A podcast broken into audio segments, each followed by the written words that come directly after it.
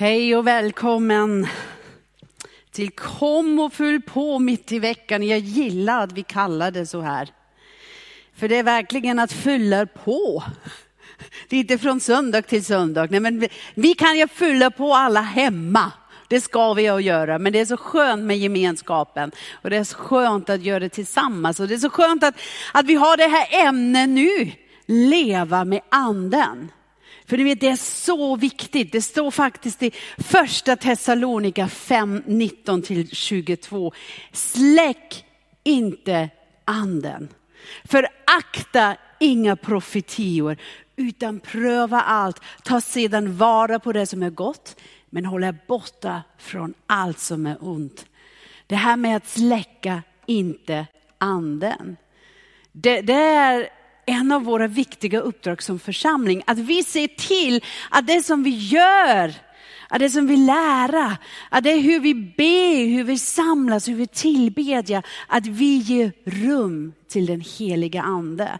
Så tack att vi gör det här. Tack för de här ämnena som vi hade de sista veckorna med Leva med anden. Vi, vi hoppar ju lite mellan frukt och, och gåvorna, men jag har upptäckt att eh, det är nu den första gåvan som vi pratar om. Och då är det profetiens gåva, så jag, har inte nu, jag ger inte nu en introduktion, för det har ni nu fått flera, flera veckor. Nu bara in i det här temat om profetians gåvor. För vi tror på det att Gud vill tala på det här viset till oss. Vi har Guds ord, vi har predikan, vi har vittnesbörd, vi har det som vi pratar med varandra. Genom allt det här kan Gud tala. Men han väljer också att ha profetians gåva för att säga någonting särskilt till oss. Och det står allmänt ja, i första Korintierbrevet 12, vers 1. När det gäller de andliga gåvorna, bröder och systrar säger jag, vill jag inte att ni ska vara okunniga. Och därför har vi de här kvällarna. För vi vill inte vara okunniga om de här sakerna, men verkligen öppna Bibeln och, och titta, okej okay, vad säger Gud nu om det här? Är det, är det bara Kalle eller Peder eller Marita som är så entusiastisk om det här? Eller står det faktiskt i Guds ord? Och det står det. Det står mycket om den heliga ande i Guds ord. Och det är underbart. Och det här, när vi läste att man ska inte förakta profetior, då vet jag ja att det finns bland oss och bland många kristna ganska olika känslor när vi pratar om profetia. För det finns de som är ganska osäkra om, om det här med gåvor. Vad, vad betyder det här? Och, och, man träffar kanske de som kommer från andra kristna traditioner, där man inte undervisar på samma sätt, där man inte läser det på samma sätt, förstår det på samma sätt. Och så, så har man massor med frågor. Eller det kan också vara att man har en gång upplevt att någon hade en profetia för mig, men den stämde inte allt. Eller den var, eh, det, det, jag kände mig inte trygg, det var konstigt och, och det, det, gjorde någonting med mig som jag inte tyckte om. Och då är det verkligen den här frågan då, vad är det med profetian? Ska jag verkligen öppna mig för dig? Och det finns de som verkligen sagt, nej men jag har upplevt någonting som var inte bra, någonting som har, har abused, nu saknar jag ordet, som har abused, vad är det för ord på som har... Uh, Ja, det, det, det, var inte på en bra sätt som någon har använt det, men har, har utövat makt med ett profetiskt ord. Och det vill jag inte ha i mitt liv och därför nu tror jag inte alls på någonting. Och så stänger man helt av.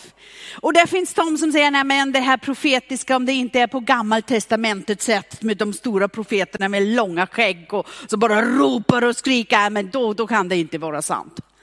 Alltså det finns så massa olika idéer och tankar. Och, och när vi nu pratar på kväll, ikväll om profetien vill jag att ni förstår en sak från början. Och det är det här att profetien ska inte inta platsen av en överordnade kunskap. För det är en del, bara en del av vad vi lär oss och vad vi hör från Gud.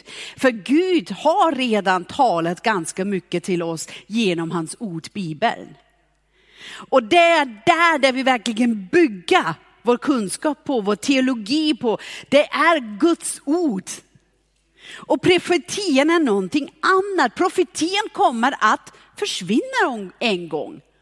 Det, det läser vi i första Korintierbrevet 13, 8-10. Då står det, kärleken upphör aldrig, men profetiorna ska försvinna, tunga målen ska tystna och kunskapen försvinna. Vi förstår bara till en del och profeterar till en del. Men när det fullkomliga kommer ska det som är till en del försvinna. Så profetierna, de är bara en del av någonting. Det är inte det stora, ja men du, om du, om du är en profet, då är du den största. Nej, nej, du är en del. En del av någonting. För det som vi har redan som är så viktigt och därför ska vi predika om det här, det är Bibeln. Det är Guds ord. Och där tar vi ut allt det här som är så oerhört viktigt att fatta. Och vad står det om Bibeln? Kommer Guds ord att förgå en gång? Nej. Det står i Lukas 21.33, himmel och jord ska förgå, men mina ord ska aldrig förgå. Tänk på det. Jag tänker ibland så här, eller jag förklarar ibland så här.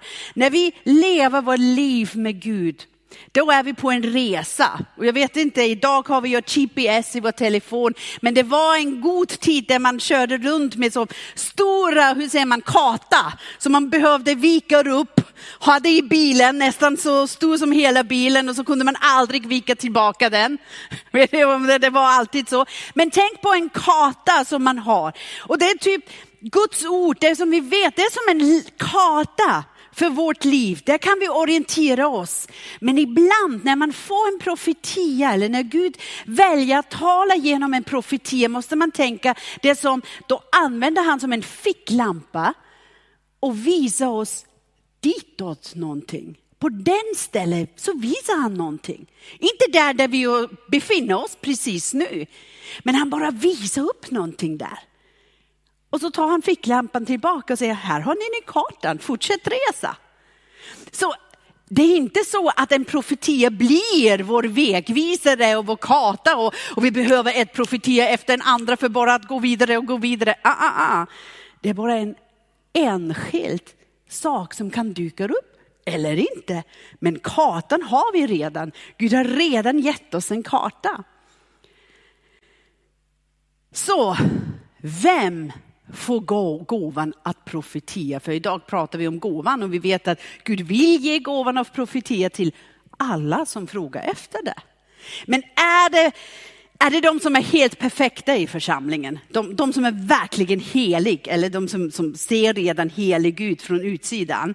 Ja, är det de som är längst med i församlingen som får profetia? Vem får profetia? Och hör ni, en av de största profeterna i Bibeln, han började när han var barn. Det var Samuel. Han var inte längst med. Han hade inte mycket teologisk utbildning eller kunskap. Men han hade två saker som var jätteviktigt. Han lyssnade och han lydde. Och det var allt som behövdes. Han behövde lite hjälp i början för att lyssna och fatta vem som talar egentligen. Men när man läser där i första Samuel, de första kapitlerna om hans liv och när vi kommer till kapitel 3, 19 och 20, då står det så här. Och Samuel växte upp och Herren var med honom och lät inget av allt han sagt falla till marken. Och hela Israel från Dan till Bershiba förstod att Samuel var betrodda som Herrens profet inget falla till marken. Det betyder att inga av hans profetier var ignorerat. Det fanns reaktioner. För man visste det, han går med Gud. Han lyssnar och han lydde. Och det som var skillnaden, det var att generationerna inom honom, då lyssnade man inte längre till Gud. Och man lydde inte längre. Och Gud såg att han behövde resa upp någon som från början förstod allt jag behöver är att lyssna och att lyda. Så när vi säger vem använder Gud, då är det om du är beredd för att lyssna. Då är det bara dags att fråga Gud, kan du använda mig? Jag vill lyssna. Och om vi som församling öppnar och säger vi vill lyssna, vi vill ge rum till den heliga ande, då kommer det att ske. Att vi har dem som får ett profetiskt budskap. Det kommer att ske och det står i första Korinthierbrevet 1, 27-29. Nej, det som för världen var dåraktig utvalde Gud för att förödmjuka de visa. Och det som för världen var svagt utvalde Gud för att förödmjuka de starka. Och det som var för världen var obetydligt och föraktat och inte fanns till, det utvalde Gud för att till inte göra det som fanns till för att ingen människa ska berömma sig inför Gud. Han väljer vanliga, svaga, osäkra människor. Och underbart, det betyder jag får vara med. Jag behöver inte vara perfekt eller extra helig, men jag behöver söka Guds närvaro. Jag behöver komma in till bön, till tillbedjan och lyssna in. Är det någonting som Gud vill tala genom mig? Du vet när Gud ville använda Moses så ursäktade han sig själv att han inte kunde tala och snälla kan du inte ta min bror? När han utvalde Jeremia så sa Jeremia, nej men jag är för ung. När han utvalde Jesaja så sa han att, nej men mitt språk, jag, jag vet inte hur man talar rätt och jag, jag har inte en rent språk. Det finns många ursäkter som även de stora profeterna i gamla testamentet hade. Men Gud han letar efter, inte den perfekta och de största, men de som säger jag vill höra, lär mig att höra och lär mig att lyda. Men det finns också falska profeter. Det står också i Bibeln. Det står både i gamla testamentet och i nya testamentet. Varning att vi behöver verkligen se till och vara uppmärksamma.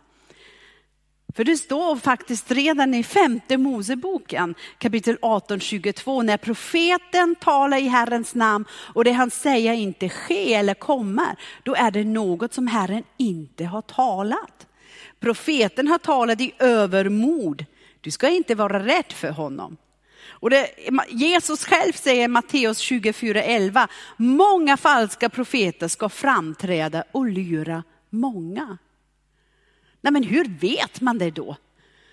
Det är ju så lätt att alla säger, men jag var lydig och jag har lyssnat. Hur, hur vet man att de är falska profeterna? Ja, men man ska ju prova allt. Det står ju i Bibeln och det kommer vi till. Men ni vet, låt mig säga en jätteviktig sak. Allting, eller det, det som vi behöver vara aktsam för är, någon som vill själv göra sig stort, som söker beröm för sig själv och sina profetier. Om det är nu på Facebook eller Instagram eller i församlingen, eller idag finns det även TikTok-profeter. Det står inte i Bibeln att man ska söka rum för sig själv, rum, beröm för sig själv. Att man vill skapa sig ett stort namn av sig själv. Det står en varning i Mika kapitel 3.11. Stadens ledare dömer för mutor. Dess präster tar betalt för sin vägledning och dess profeter spår för pengar. Hör ni, aldrig, aldrig ska vi betala för en profetia av Gud. Aldrig. Och jag vet att det finns massor där ute på sociala medier som säger, swisha mig en hundralapp så har jag en profetia. Falsk profet på en gång. Och jag vet att det finns från alla länder, överallt. Det är lögner. Gud säger jättetydligt, det får inte ske att tjäna med andens gåvor. Det sker i församlingen. Det sker i din församling där man söker Gud tillsammans. Där man lovsjunger tillsammans, där man tillbedjar tillsammans. Där man också prövar det som sägs genom profetia. Där man känner sig trygg, där jag kan prova själv. Det, jag tänker, det är första gången, men jag har en tillit till varandra. Får jag pröva? Och jag behöver inte vara livsrädd, men jag vet att de som tillbedjar Gud tillsammans med mig, de vill uppmuntra mig. Det sker i din andlig familj och det ska vara din församling. För andens gåvor är här för att bygga upp Guds församling. Så hur ska man nu profetera? profetera? Enkelt svar till detta är med kärlek. Det har ni inte förväntat. Nu har ni tänkt, nu kommer jag att säga, man ska säga, åh Gud tala, eller jag känner. Nej men det första är kärleken.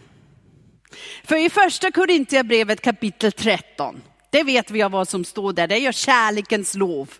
Men det står även där i vers 2. Och om jag har profetisk gåva och vet alla hemligheter och har all kunskap och om jag har all tro så att jag kan flytta berg men inte har kärlek så har jag ingenting. Och då nästa kapitel, kapitel 14, börjar med första versen så här. Sträva efter kärleken. Men var också ivriga att få de andliga gåvorna, framför allt profetiens gåva. Samma mening. Kärleken och profetiens gåva, de behöver gå ihop.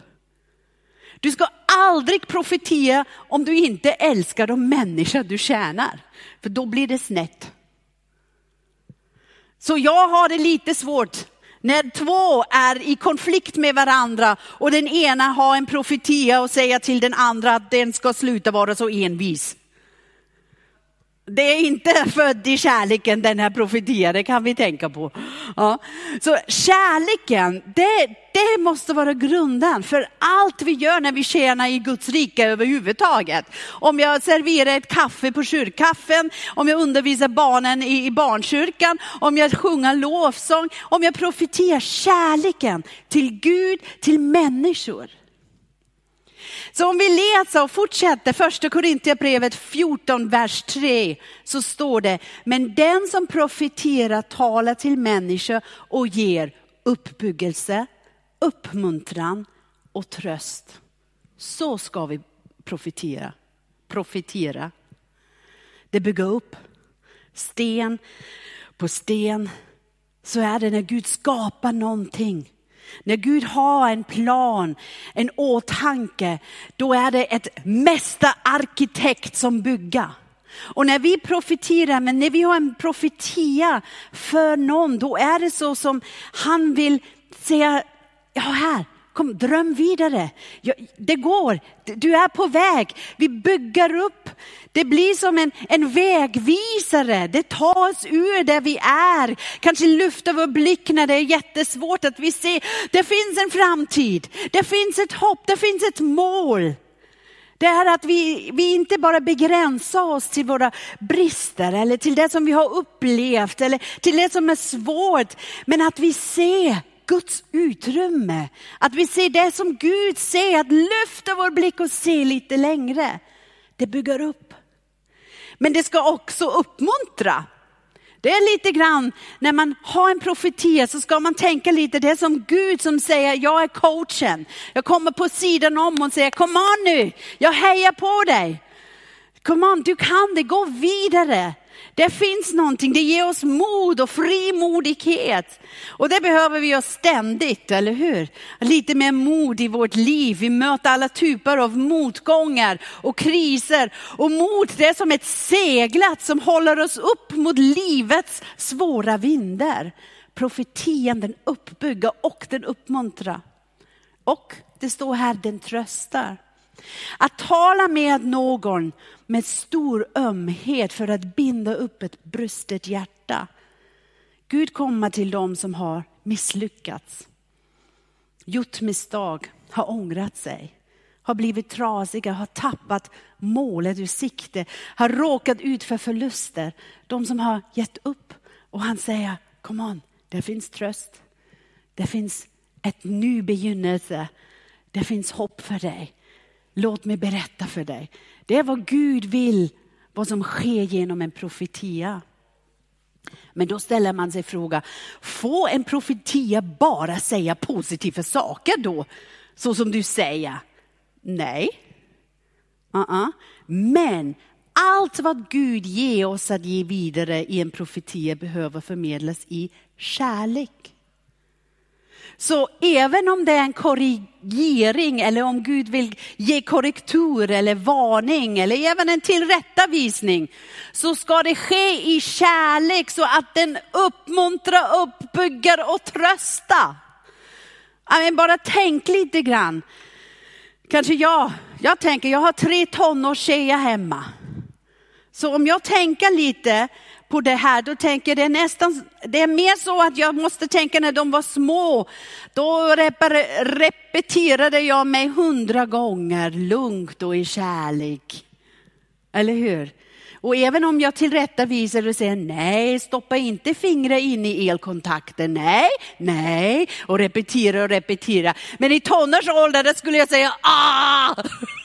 För då repeterar jag mig tusen gånger. Ja. Men men det är lite man ändå behöver man tillrättavisa. Och det kan också ske genom en profetia.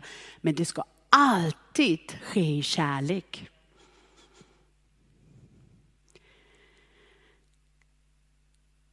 Och hur kommer en profetia till mig? Men det kan ske på så många olika sätt. Det kan vara att man verkligen känner en budskap som formas i dina tankar, det kan verkligen ske för flera att man känner underbörd. oh, nu blir det varmt inom mig. Nu blir det lite brinnande eller mitt hjärta pultar lite extra och, och jag behöver säga någonting.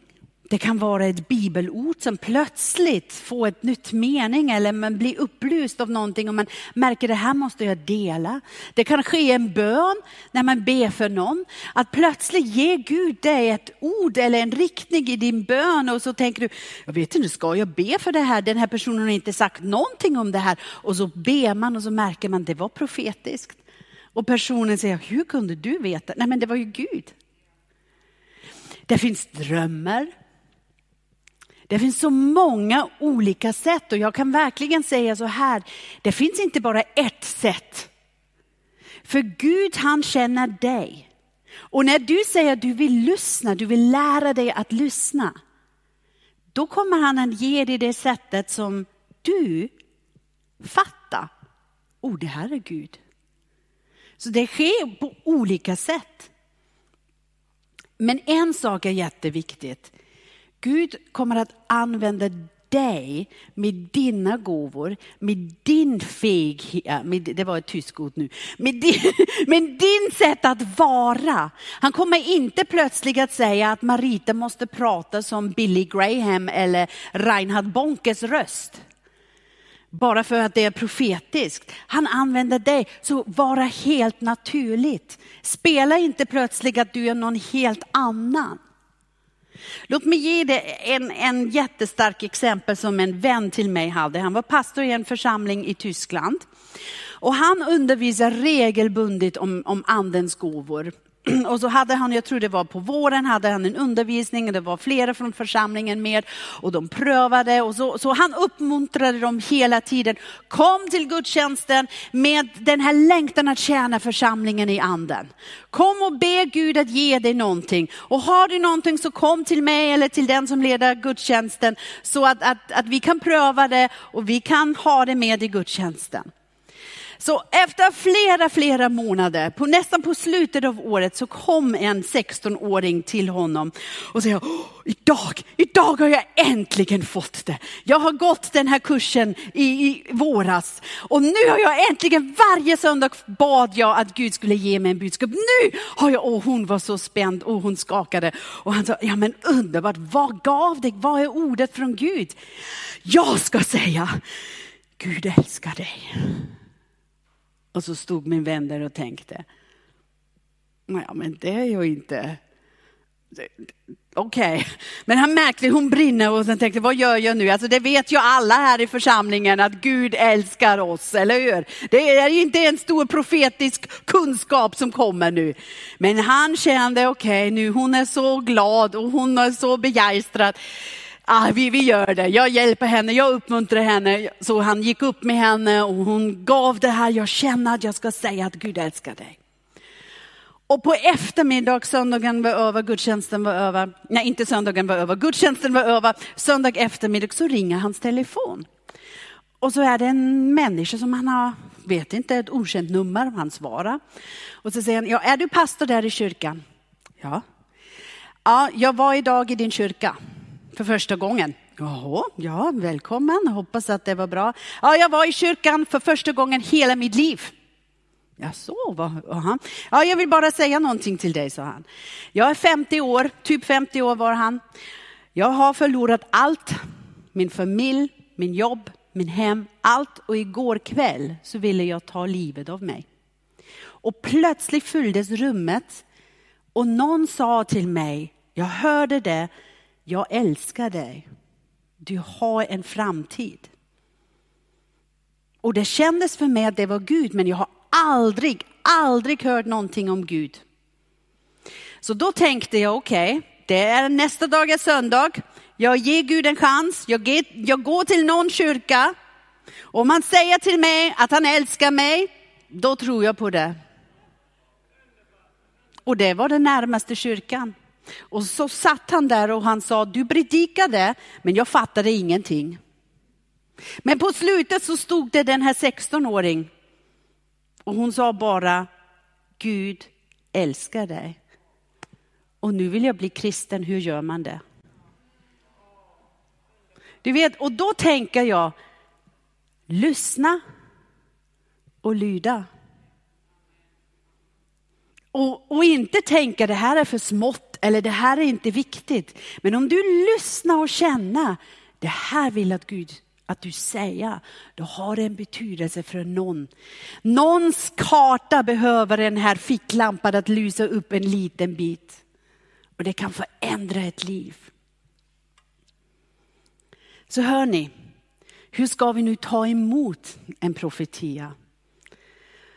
Och jag, jag vill säga så här, det finns olika sätt. Det står ju jätteklart att vi ska vad? Pröva allt. Eller hur? Och det ska vi inte tänka oss, pröva allt, om det inte stämmer då sker det. Da, da, da. Nej, vi är i en kärleksfull gemenskap med varandra. Och vi prövar det för att veta om vi är på rätt väg.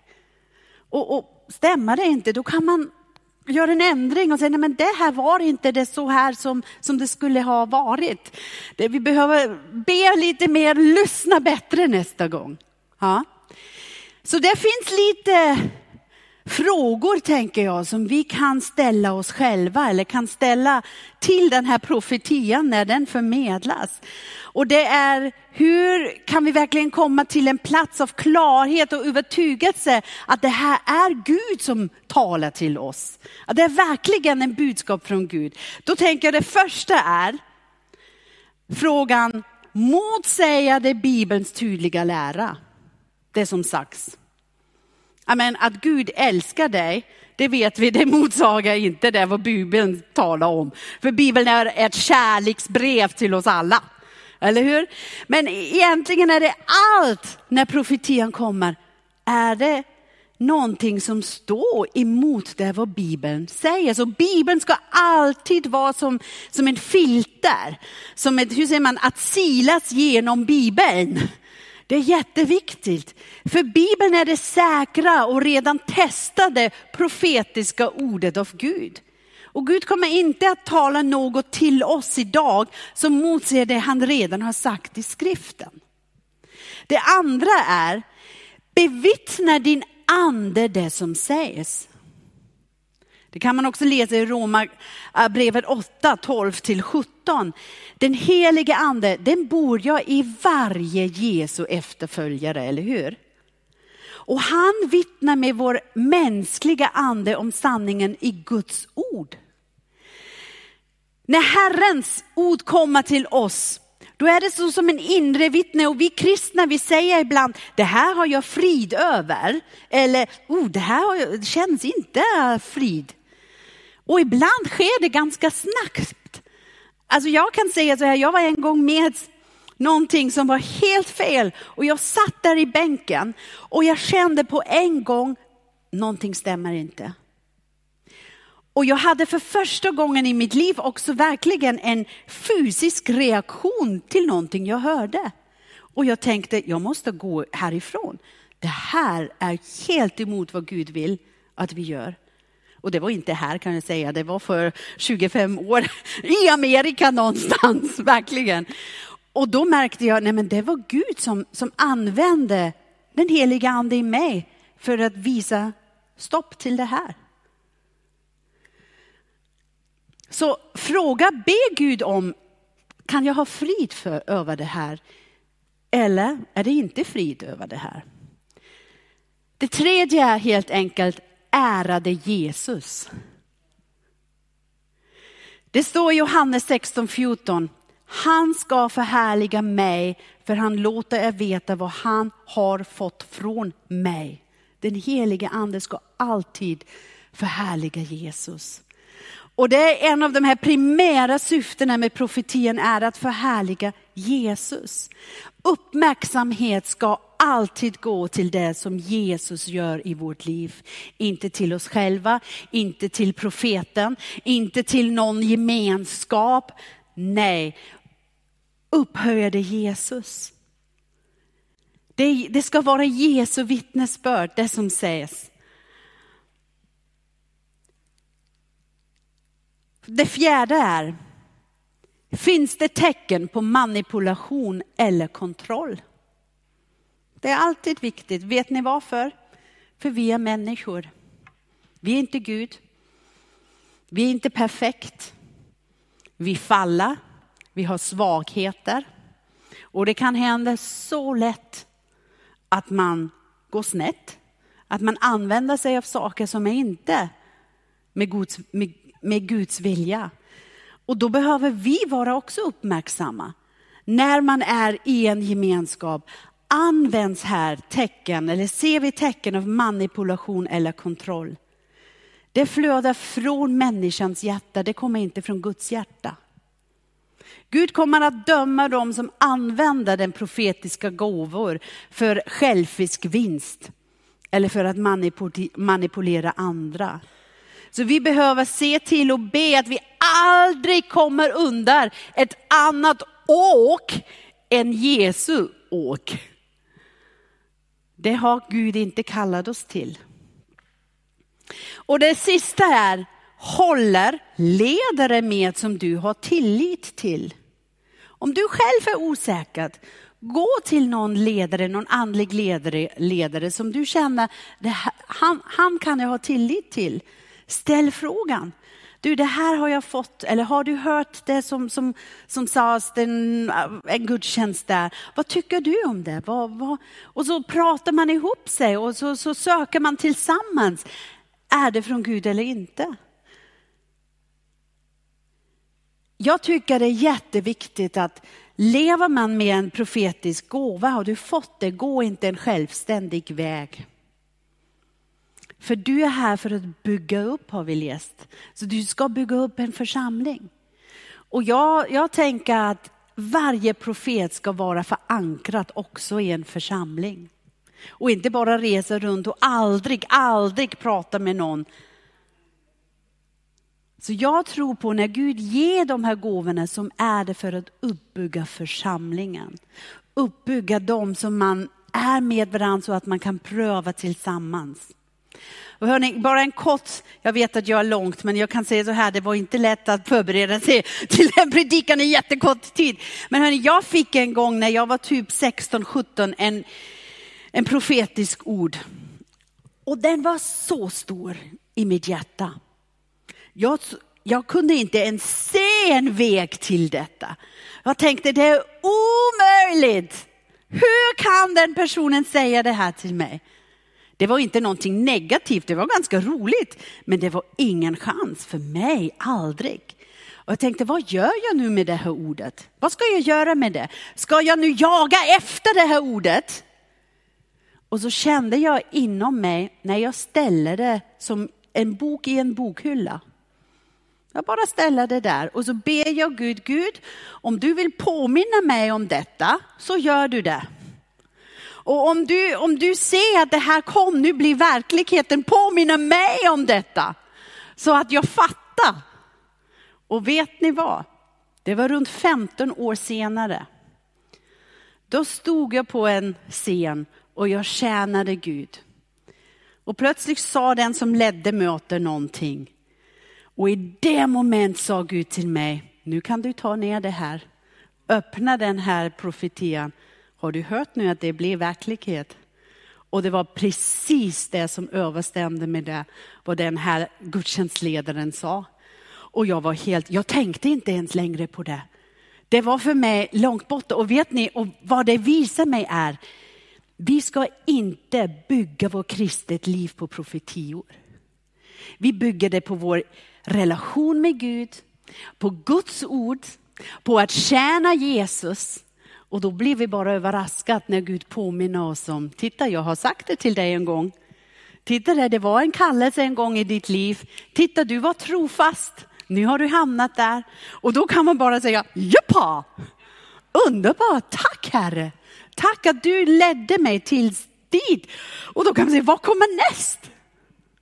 Och kanske Gud kan ge dig en profetia till, men vi, vi springer inte efter och jagar inte efter, men vi tjänar i anden.